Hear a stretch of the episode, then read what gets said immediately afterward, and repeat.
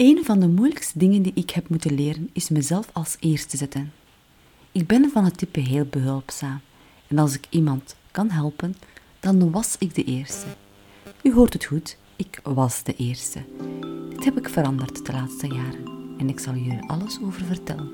Hallo iedereen, ik ben Fatje, een corporate girl dat een nieuw bedrijf begonnen is om vrouwen te helpen om zelfverzekerd te zijn, succesvol te zijn en te ontdekken wie ze werkelijk zijn. We zijn allemaal, denk ik, zo opgevoed. Er wordt van ons verwacht dat we vriendelijk zijn, glimlachen en de mensen rondom ons helpen. Het is wat er verwacht wordt van ons, of toch van mij. Dus deed ik maar wat iedereen van mij verwachtte.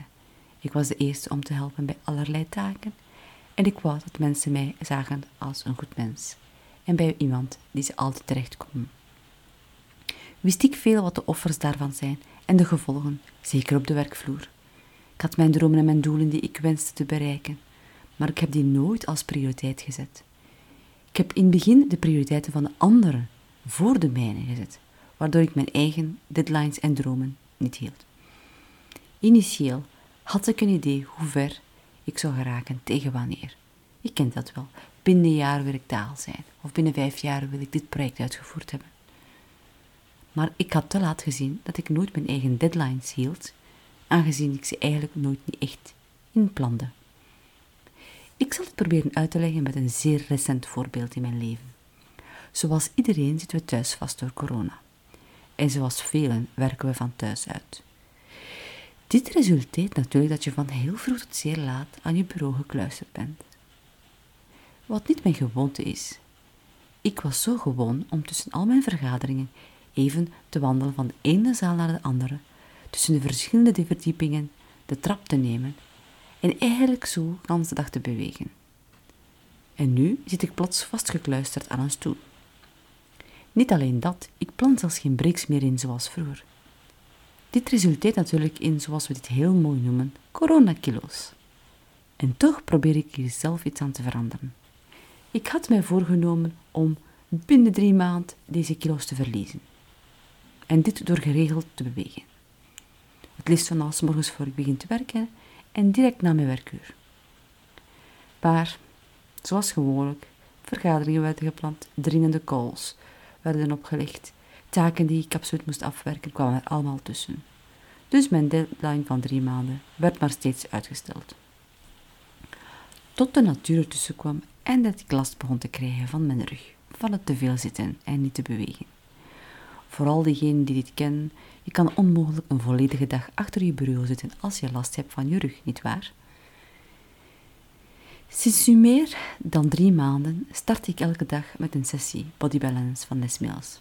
Lijkt sterk op yoga en pilates. Het is heel rustig en ideaal om erbij wakker te zijn. En je stretcht heel goed je spieren ermee, vooraleer dat je natuurlijk gaat zitten de hele dag. En na het werk ga ik wel geregeld gaan wandelen of doe ik specifieke oefeningen op de mat met behulp van apps zoals Fitonomy. Dit allemaal om eigenlijk mijn lichaam te doen bewegen en het staat ook ingepland. Mijn deadline werd mijn prioriteit en dit heb ik nu zo ingepland in mijn agenda. Ik sta als onbeschikbaar tijdens die periode en ik accepteer ook geen meetings of calls. En laten we eerlijk zijn, het gaat hier niet over uren dat ik blokkeer. Het gaat over een half uur, maximum 45 minuten. We worden snel meegetrokken op die drukke ik moet zoveel doen trein, dat we het belangrijkste daardoor vergeten. Tijd voor ons gezin, tijd voor onze familie en vrienden, tijd voor onszelf, onze hobby's, dingen dat we graag doen. Tijd om gewoon even te ademen.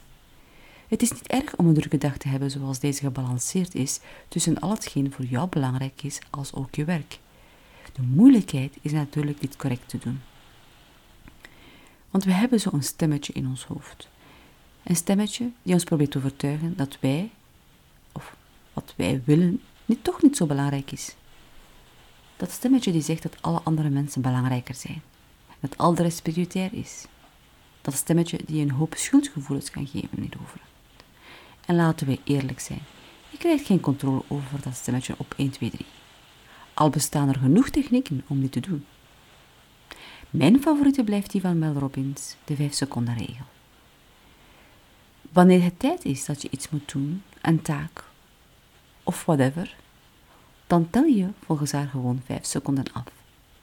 4, 3, 2, 1 en dan start je gewoon zonder na te denken. Doel van deze oefening is om geen tijd meer te geven aan je brein om je te overtuigen om het niet te doen. Dit is een van de verschillende technieken die bestaan. Ik heb er de laatste jaren een hobby van gemaakt om te kijken welke het best bij me past. Dit resulteerde natuurlijk in een mix van verschillende technieken. Als je hier meer wil over weten, vanaf 11 januari 2021 start ik een online cursus om jullie te leren hoe je sterke gewoontes kan inbouwen en ook deze technieken. Interesse? Check dan zeker mijn pagina www.vatje.com slash gewoontes 2021. Heb je ook dingen die je maar blijft uitstellen, maar dat je wou dat je toch voor eens en voor altijd eens deed? Voel je je ook schuldig daarna dat je het niet gedaan hebt? Wel, doe dan deze drie stappen. Stap 1.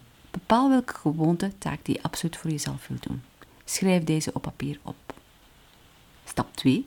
Neem je agenda en plan het in. Zet het in een flesje kleur, roos, rood, whatever, zodat het heel duidelijk is in jouw agenda. En stap nummer 3. Wanneer het moment komt dat je die moet uitvoeren, 5, 4, 3, 2, 1 en start ermee.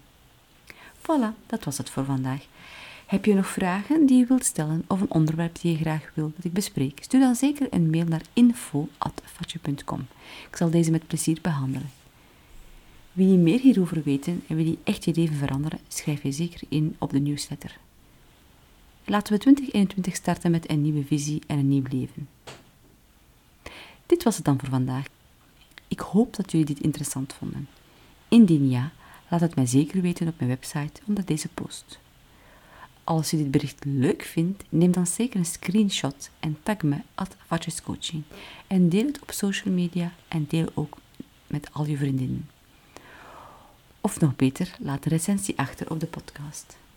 Hartelijk bedankt voor het luisteren en tot de volgende keer.